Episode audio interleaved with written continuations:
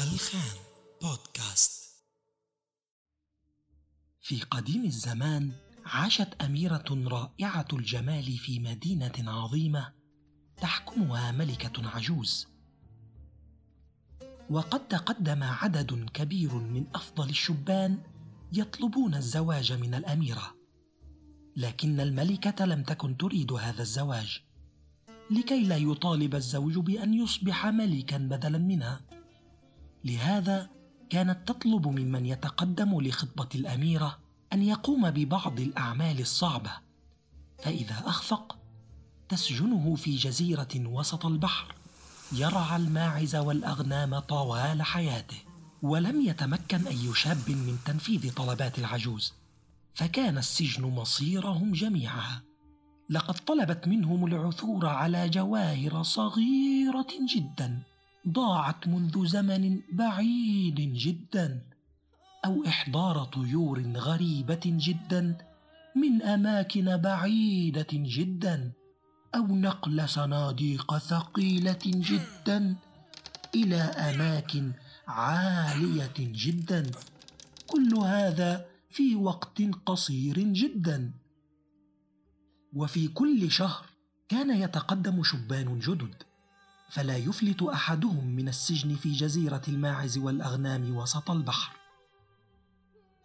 وفي مدينة صغيرة تبعد كثيرا عن مدينة الأميرة كان يعيش فتى اسمه محظوظ هو ابن حاكم المدينة. وكان أهل هذا البلد يحبون السفر والمغامرات. وفي كل ليلة يجلس الفتى بين العائدين من رحلاتهم يسمع أخبار العالم الواسع. وليلة بعد ليلة احتلت أخبار الأميرة الجميلة جانبا كبيرا من قصصهم وحكاياتهم.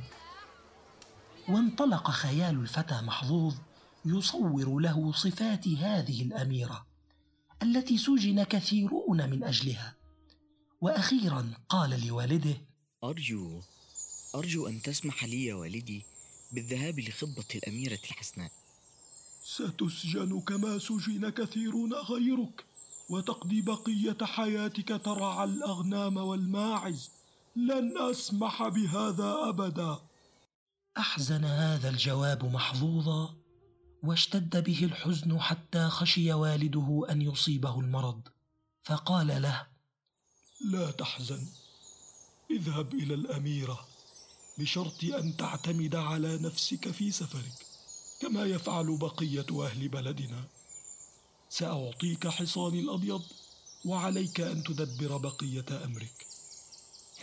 يكفيني يكفيني هذا الحصان. ولم يلبث أن خرج على ظهر الجواد الأبيض في طريقه إلى مدينة الأميرة الجميلة.